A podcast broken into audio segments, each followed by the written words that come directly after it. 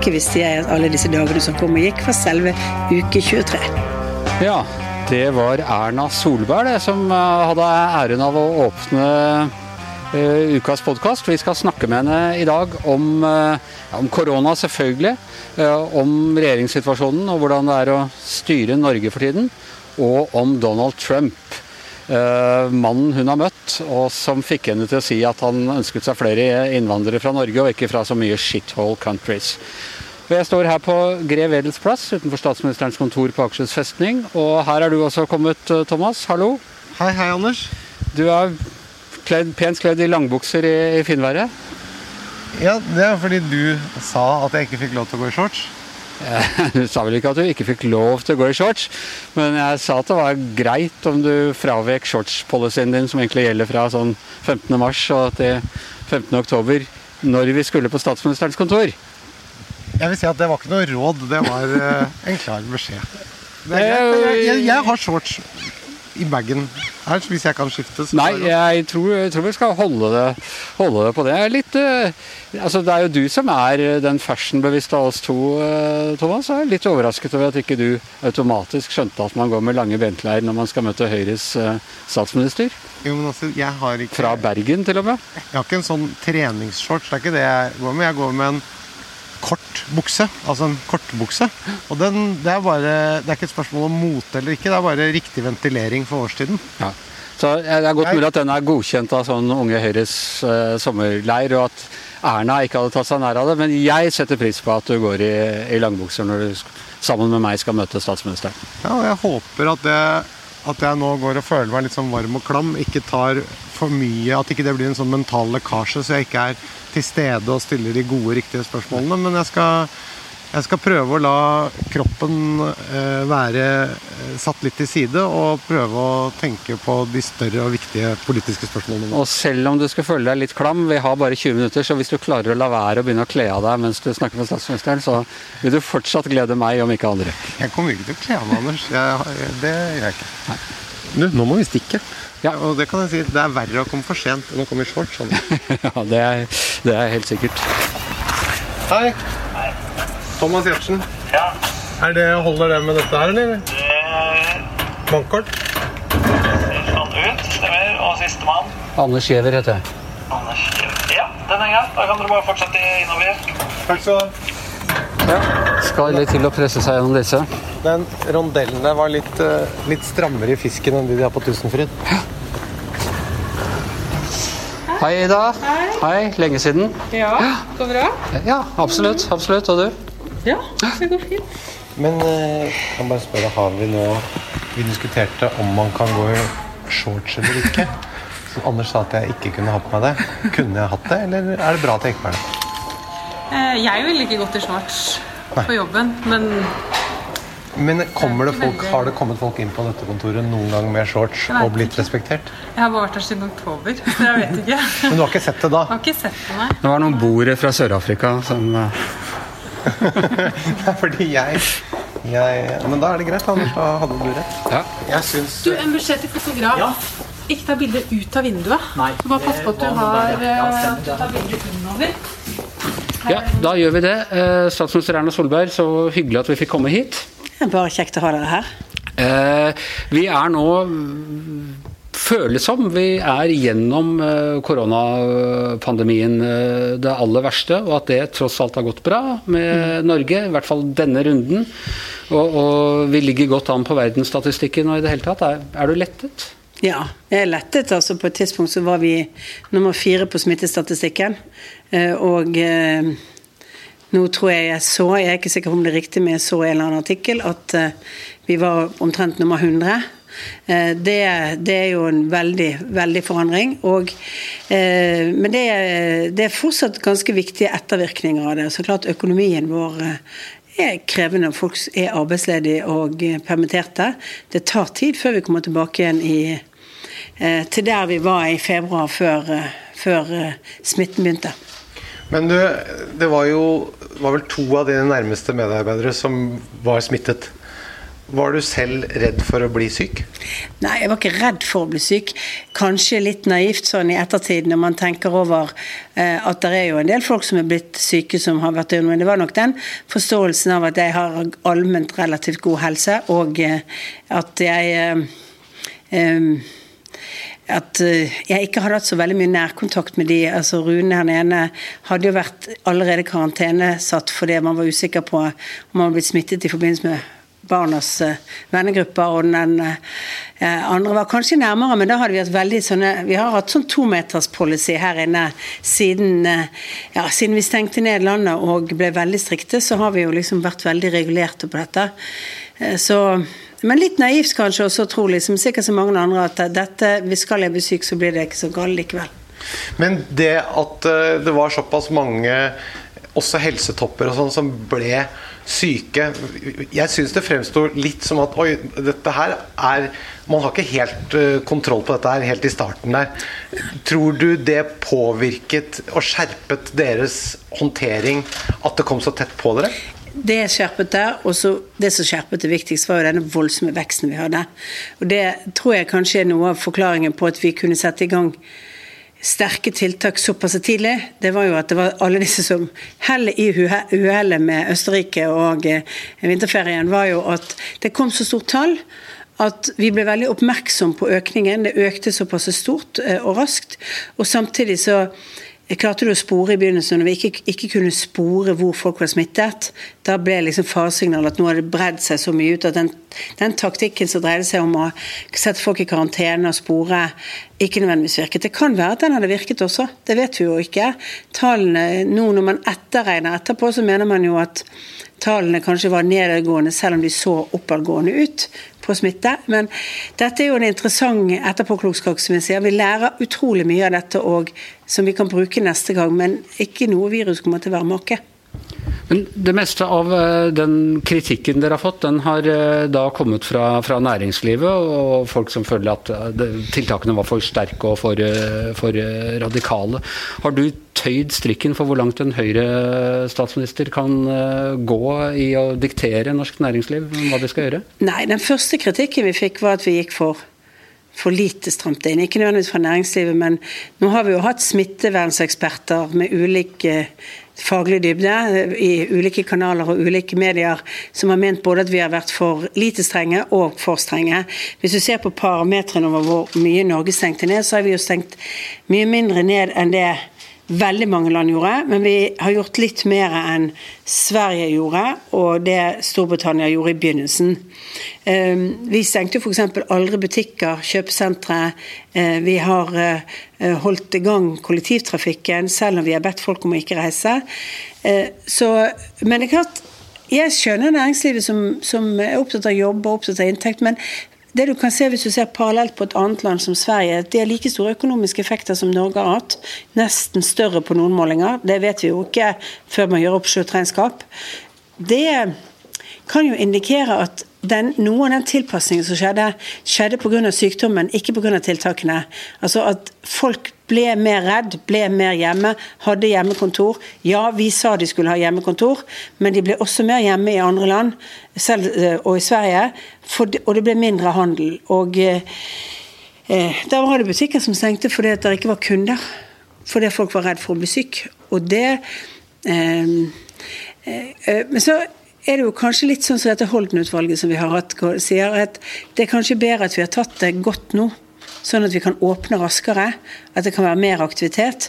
Og at det å ha en slå-ned-strategi kanskje i det lange løpet er det økonomisk mest gunstige. Det er også god etterpåklokskap, da, for det visste vi jo ikke når vi sto midt oppi det. Men uh, at det, det, er jo deres vurdering nå at det å holde viruset nede er bedre enn å la det gå fritt, for de økonomiske konsekvensene er så store. det. Men eh, jeg tenker litt på det. I Sverige så har man en sosialdemokratisk regjering. Og der har man i stor grad latt det være opp til bedriftene og individene å sørge for å hindre smittespredning. Mens i Norge så har vi en høyreregjering hvor man har gått ganske brutalt inn, og myndighetene har gitt klare eh, regler og føringer på hvordan eh, både vi som individer og bedriftene skal oppføre oss. Jeg oppfatter det som litt sånn paradoksalt. Hva tenker du om det? Ja, du kan tenke sånn, eh, men, men, vi har vært veldig tydelige på å sette helse først. Og at vi tror at det også økonomisk er det riktigste. Noe av det aller fineste med Norge er at vi oppfatter oss som likestilte, og vi er det. Det er selvfølgelig det er sosiale forskjeller, det er endringer og, sånn, og ting som kan oppleve som urettferdig, men vi opplever liksom at helse, når vi møter helsevesenet og det norske helsevesenet, så er vi eh, likeverdige. Det hadde vi ikke klart å holde på hvis ikke vi hadde hatt helse foran økonomi i denne, i denne pandemien. For det, store scenarioet som jo for oss var det absolutt vanskeligste å forholde, altså, tenke at vi skulle oppleve, det er jo et helsevesen som ikke klarer å mestre eh, og behandle folk. Eh, og eh, det vil ofte slå sosialt urettferdig ut. Og, eh, og det er litt av limet vårt at vi, at vi faktisk eh, tilbyr felles og like tjenester. Men, men, er ikke det tradisjonelt mer sosialdemokratisk tankegang at man går inn og detaljstyrer? Er det ikke mer høyrepolitikk å si at dette Frihet under ansvar? Ja, dette løser, dette løser, markedet og individene veldig fint selv. Jeg bare tenker at det oppfattes som litt motsatt. Jeg er helt enig, jeg bare syns det er litt paradoksalt. Ja. Og, det, og det kan man si. Kan si at I Sverige så var det nok mindre regjeringen. altså Der har jo de på en måte hatt en armlengdes avstand mellom disse smittevernmyndighetene og regjeringen, sånn at regjeringen sitter og okker og stønner seg litt over de smittevernmyndighetene òg. I Norge har vi valgt å være politisk proaktive og si at når det kom så langt som det kom, og det ble så eh, tydelig med så tunge beslutninger for det norske samfunnet, så sa vi at det kan ikke vi la Helsedirektoratet sitte og gjøre alene, da må regjeringen være med. og Så tok vi tilbake all beslutningsmyndigheten og sa at dette er en felles nasjonal krise. Eh, sånn at vi, selv om smittevernmyndighetene har et større ansvar for helsebiten, så gjorde vi det til eh, egentlig inn under eh, regjeringens ansvarsområde å se helheten i dette. Vi eh, kan være et paradoks, men samtidig så er jeg opptatt av at frihet under ansvar, men, men det er, men det er uh, forskjell på når din frihet går utover andres helse.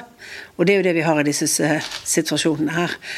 Det er nemlig sånn at hvis veldig mange ungdommer syns det er greit å reise i Holmenkollen og blir smittet, og det ble jo en del der oppe, og kommer syke tilbake igjen, så er det besteforeldrene deres, foreldrene deres, de klassekameratene som kanskje har noen underliggende sykdommer, som er de det er farligst for. Og da må du også si at det er ikke bare din egen vurdering av ditt eget Eh, situasjon. Du må faktisk si noe annet òg. Dette er musikk i Thomas ører. Men du, jeg må bare spørre deg. Eh, når man har vært statsminister så lenge som du har, er det sånn at da blir ideologien og Høyres prinsipprogram eller Arbeiderpartiets prinsipprogram det blir litt utenforliggende? Er liksom Du blir nasjonens eh, beste, unndrar seg ideologiske føringer? Nei da, og jeg har noen grunnleggende ideologiske føringer som er Høyres politikk. Eh, det mener jeg går f.eks. veldig mye på, på det at vi skal investere i mennesker. Det at uh, folk skaper kraft, det er liksom det viktigste vi har. Uh, det, det, er ikke sånn som noen trenger vrengebilder av Høyre, at det er kroner, altså ideologien er kroner og penger og fortjeneste. Det er faktisk at folk får brukt evnene, kunnskapen og kompetansen sin, mestre sitt eget liv, delta i samfunnslivet. Det er derfor vi sier at det ikke er nok at folk får stønad fra det offentlige for ikke å gjøre noe, når vi vet at arbeid er så ekstremt viktig for alle. Det å føle mestring, det å føle at du har noe å bidra med, er helt grunnleggende for oss. Og det å skape det samfunnet er viktig.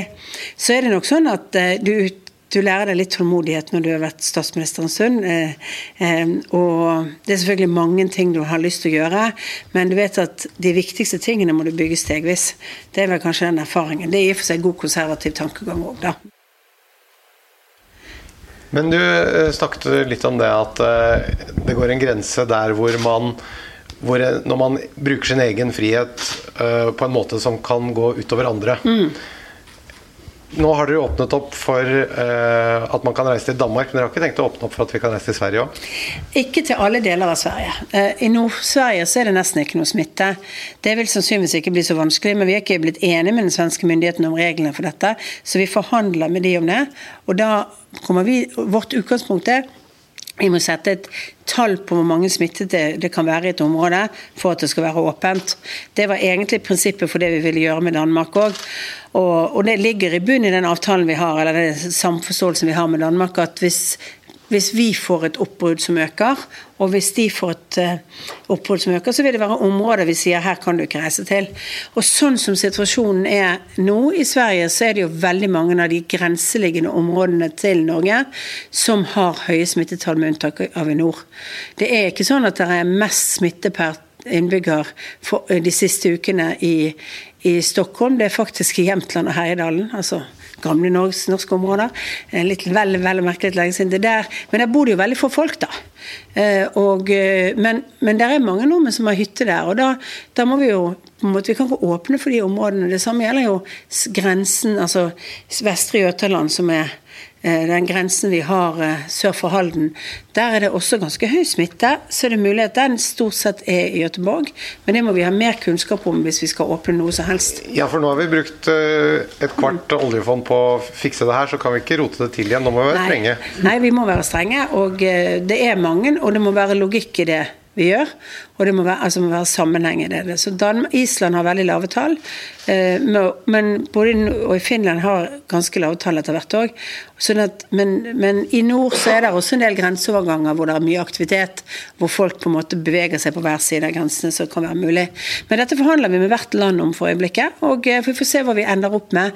Men det er klart vi har noen absolutter, og det er smittetallene i de regionene. Eh, og selv om det står masse butikker hvor det, hvor det jobber flest nordmenn, og, og, det er flest nordmenn som handler og alt sånt, så mener vi fortsatt at vi kan ikke åpne for veldig mye den, den aktiviteten pga. smitte. Men eh, sånn som Hellas, de lever jo av mm. eh, turister. Eh, og har jo vært på randen av konkurs. De har plutselig null smitte, gitt. Ja. Og, det er ikke, og det er sånn at eh, det er ikke det at jeg skal stille tvil. Det virker som Hellas har hatt mye bedre kontroll og mindre smitte enn det andre land har hatt. Kanskje fordi de, eh, de har veldig liten eh, økonomi i vintersmånedene. Altså de har liten reising til.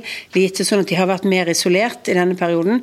Og da helt automatisk har kanskje også fått mindre smitte inn enn f.eks. Italia og, og Spania har hatt, som, har, som er større økonomier og har mer internasjonal reising. Og, eh, men, det som er, men det er et problem for oss å være sikker på, er jo at de som, hvis, når Hellas åpner, så vil de åpne for flere land. Og da vil det ikke nødvendigvis bare være smittesituasjonen i Hellas per dags dato, men det vil være når alle de andre feriegjestene har begynt å komme, hvordan blir da smittesituasjonen i Hellas? Og Det er vi nødt til å vite mer om før vi åpner overfor dem. Ja, og så ville jeg tatt en ekstra sjekk på turistnæringen i Hellas og smittevernsekspertene at man kan kanskje få en second opinion på, på tallene? Ja, og Folkehelseinstituttet vårt er veldig tydelig på at det er lettest for de å gi anbefalinger på de landene hvor de har nært samarbeid og på en måte skjønner metodene deres og føler seg sikre på hva som er. Du, Vi må snakke litt om regjeringssituasjonen nå. Vi hadde besøk av Carl I. Hagen forrige uke, og han kunne ikke skjønne hvorfor ikke du nå fant et eller annet å kaste kortene på og lot Støre nå styre fram mot valget. Eller eh, vanstyre var vel ordet han brukte. Ja, altså Det er et borgerlig flertall på Stortinget, og jeg mener at borgerlig flertall skal gi en borgerlig regjering. Så enkelt er det. Så må vi forsøke å finne gode samarbeidsformer. Men in, med en mindretallsregjering så er det ikke bare regjeringen som har ansvar, da har opposisjonen også ansvar for uh, uh, å se at helheten i det som skjer, ikke bare stykkevis og delt. F.eks. at hvis man gjør mange prioriteringer i enkeltsaker som skal inn i et budsjett, at man da eh, er klar over at da går det på bekostning av andre ting som burde vært i det budsjettet. Sånn at man tenker igjennom liksom den typen løsninger. Eh, så, eh, men det er klart det er en vanskeligere situasjon med den sitsen vi har for øyeblikket. Med KrF Venstre i regjering og Frp utenfor, så, og Frp er veldig tydelige i kravene sine. Men vi håper jo å finne gode løsninger med dem. Men jeg ser at det er jo et ansvar også for en posisjon eller, eller opposisjon, selv om de ikke sitter i regjering når du har mindretallsregjeringer. Det har iallfall alltid vært Høyre sin ryggrad at vi har vært Vi har ikke forsøkt å lage mye spill rundt saker når vi har sittet, for vi skal møte våre velgere eh, med en eh, eh, historie om hva vi har gjort og hva vi har bidratt til. Men det virker jo som at uh, Fremskrittspartiet ikke helt tenker sånn. Nå har de jo alliert seg med alle mulige andre ja. eh, flere ganger. Sånn at eh, Hvordan opplever du eh, Hvor brutal opplever du din gamle makker Siv Jensen nå, da? Nei, altså Jeg har et godt forhold til Siv, og vi snakker sammen om disse tingene. jeg, altså Vi har hatt noen runder på disse pakkene, og det er jo stort sett det det har, hvor vi har fått veldig mye uh, uh, nye vedtak i Stortinget. Jeg tror tror i ettertid så vil man få en vurdering av hva var riktig og hva var galt i det. Klart at eh, Første pakken som ble laget, ble økt en del fordi at vi hadde jo sagt det kom en ny pakke. Så ville Stortinget starte arbeidet litt tidligere. For vi stengte jo Vi hadde jo allerede bestemt oss for den pakken på, som kom den 13. mars. Når vi stengte ned Norge den 12. mars, så visste vi jo ikke det når vi hadde laget utformingen av den pakken. Vi visste at det var noen næringer som allerede da slet, sånn som reiselivsnæringen. Men eh, så må du forvente at det kommer noen overbud, noen andre forslag, noen saker eh, som, eh, som, er riktige. Men, men, det er noe med å ikke bli fartsblind og ikke bli eh, sånn som situasjonen er nå. Vi bruker veldig mye penger inn i norsk økonomi. Nå begynner norske kroner å styrke seg litt igjen. Eh, det kan være tegn på at det vurderes som at vi bruker mye penger. Eller det kan være tegn på andre ting. Det er vanskelig å skjønne kronekurser og valutakurser for øyeblikket. Men, men eh, det er jo sånn at for mye pengebruk kan også bli en utfordring for næringslivet etter hvert. Og det må vi huske at det er en, er en realitet. Du, vi må spørre deg, så har, jeg får beskjed om at vi har litt tid igjen. Men eh, du har vært med i denne podkasten en gang før, og det var da du hadde vært og møtt eh, Donald Trump i Det hvite hus mm. eh, for to år siden. Da var det Fridtjof Jacobsen som, eh, som, hadde jobben til Thomas. Men eh, da hadde du gjort inntrykk på Trump med å si at Norge var USAs beste kunde. Han var superfornøyd. Mm. Og så gikk det et par timer, og så sa han at han ville ha flere innvandrere fra Norge og færre fra shithole countries. Hva følte du da du hørte om den uh, uttalelsen? Nei, jeg følte jo at det var litt vanskelig. Også fordi eh, altså, jeg skjønner jo at det er fint med nordmenn, og, eh, men som jeg også har sagt så Jeg var, var, jo i World Economic Forum uken etterpå, og jeg fikk veldig mange internasjonale intervjuer om akkurat det. Og jeg måtte minne om at vi hadde toppen av innvandring til USA fra Norge var i 1890-årene, og at eh, siden det hadde vært mindre. Og akkurat det, det året så var det netto eh, innvandring til Norge av, av, av folk fra USA eh, istedenfor motsatt vei. Um, altså Jeg skjønte jo når vi hadde det eh, møte i Washington at han hadde en stor sak gående med Kongressen om eh, immigrasjon. For han var veldig opptatt av å spørre om immigrasjon til Norge. Eh, litt sånn eh, Veldig opptatt av den saken han akkurat har jobbet med. Men det er klart eh, det er fint at noen setter pris på oss, men det betyr ikke at man trenger å diskriminere overfor andre. Men hvor, hvor gæren tenker du at han er? Eh, jeg tenker at det er det er en vanskelig situasjon i USA nei, for øyeblikket. Det er en vanskelig um, det er så polarisert at det er nesten umulig for oss andre å forholde oss til dette. som Vi som snakker om inkludering og liksom forsøker å skape brede allianser og trekke folk sammen. Eh, altså, Vi har jo egne programmer for å sikre at politifolk skjønner dette med rasisme. Vi har jo den paradoksale situasjonen at eh, SSB måler eh, tillit til eh, politiet, så måler de at innvandrerbefolkningen har større tillit til politiet enn gjennomsnittsnordmannen har. Men, de, men, alle har høy tillit til politiet. Men innvandrerne topper altså over. Så vi har liksom klart å skape et litt annet samfunn. Eh, derfor er det vanskelig å forstå dette polariserte samfunnet og den politiske dynamikken som er blitt til den. Det, det er det er krevende å se på. Og det er, det er, jo ikke noe som etter min mening klarer å bygge liksom en felles plattform for et land. Altså, det må komme en forandring på et tidspunkt. Ja, tenk, er, vi, er dette sånn Er vi berøring med noe sånn grunnleggende sånn eh, Hva skal vi si for noe? Et, et, et eh, klasseopprør fordi det har vært så skjev fordeling av goder at nå Jeg, altså jeg har fulgt med på rasismedebatten i USA fra jeg var ganske ung. fordi at jeg leste mye James Baldwin. og hvis man ikke har lest det, så er, Som liksom var bildet både på homofil, svart og veldig mange analyser av, det, av, av rasismen og strukturen i USA. Det. Og jeg øh, synes Det er jo ikke noe nytt.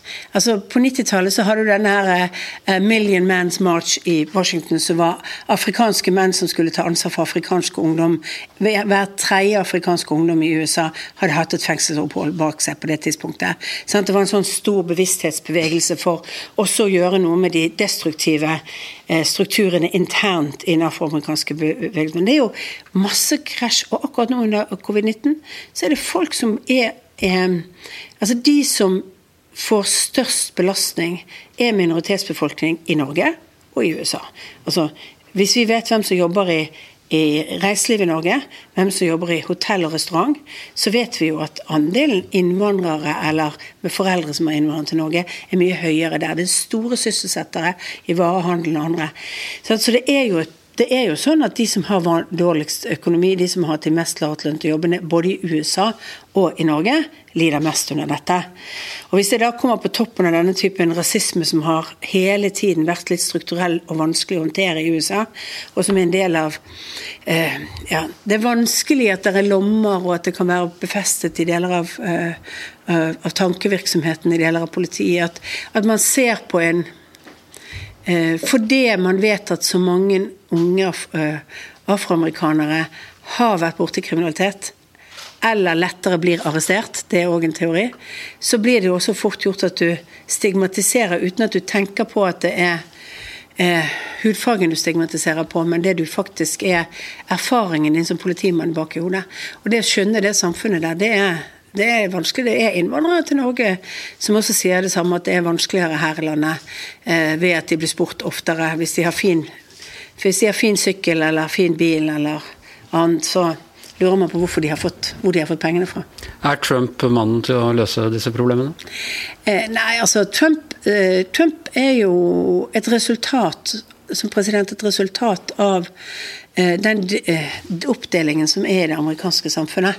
Eh, og han har muligheten til å gjøre det, men da må han gjøre noe annet enn det han gjorde i går. Da må han faktisk forsøke å bygge sammen istedenfor å, å splitte opp. Det er veldig lett i en sånn situasjon hvor det er all mulig grunn til å kritisere folk som plyndrer og som skaper ustabilitet og uro. Og det er masse uroelementer som deltar. Men samtidig så er jo, etter vår mening, altså min mening, så er jo eh, Utfordringen er jo å forsøke å få roet ned også de, de som er kjernen i protestene, ikke de som nødvendigvis gjør volden, men de som er kjernen i den rettferdige protesten mot, uh, mot diskriminering. På vegne av Norge, frykter du for USA? Jeg frykter for USAs mindre makt i den internasjonale verden. Og det ser vi jo tegn på allerede. Det at de har trukket seg fra multilaterale organisasjoner, det at de har trukket seg fra Verdens nå, at de blir så innovervendt med sine egne problemer, gjør jo at den rollen USA har hatt internasjonalt eh, som eh, både eh, opptatt av menneskerettigheter, opptatt av utvikling av markedsøkonomi, at den, når de forsvinner, så gir det grobunn for flere totalitære systemer og eh, blir mer eh, Får større selvtillit i den internasjonale verden. For det er færre, det er mindre press for å, for å gjøre endring. Blir Trump gjenvalgt? Eh, det kan jo hende. altså Det er så, et så delt samfunn og en så kritisk situasjon. Det er jo ofte sånn at de som slåss mest mot noen, når de bruker den typen voldelige eh, ting som gjør nå, bygger opp Eh, de som sitter med makten, eller de som slår det ned. Eh, så det kontraproduktive med å drive med, med sånne voldelige demonstrasjoner og herjinger, er jo faktisk at du kan styrke frykten hos folk, så at de går og stemmer på noen som de oppfatter som å kunne håndtere det. Du, tusen takk for at vi fikk lov til å komme. Også, jeg har jo tusen spørsmål til, men kan vi komme igjen til neste uke, kanskje? Kom en annen gang. Kanskje ikke neste uke. tusen takk for oss. Tusen takk skal du ha. Ja, Thomas, hva syns du? Jeg syns det er veldig fascinerende å høre på henne. Jeg har selvfølgelig Det var 100 ting jeg hadde lyst til å spørre om som jeg ikke fikk spurt om. Både av oppfølgingsspørsmål, og så hadde jeg lyst til å snakke mye mer om norsk politikk. Men um, sitter jo og føler på at vi vi kan ikke drive og strekke den tidsstrikken der inne. Nei, Ida hadde liksom reist seg tre ganger, og sånn, så vi måtte avslutte. Min favoritt var da hun kniste litt når du spurte om Trump var gæren. jeg, jeg, må si jeg syns hun klarer å balansere rollen sin samtidig som hun kommer oss litt i møte, da. Ja, det var i hvert fall eh, stas å, å være der. Og med det så er eh, Giæver og Gjertsen over for eh, denne gang. Utenfor studio Anders Giæver og Thomas Gjertsen inne på statsministerens kontor. Erna Solberg, og i produsentrommet hjemme i VG, vår faste produsent Magne Antonsen. Vi høres igjen om en uke.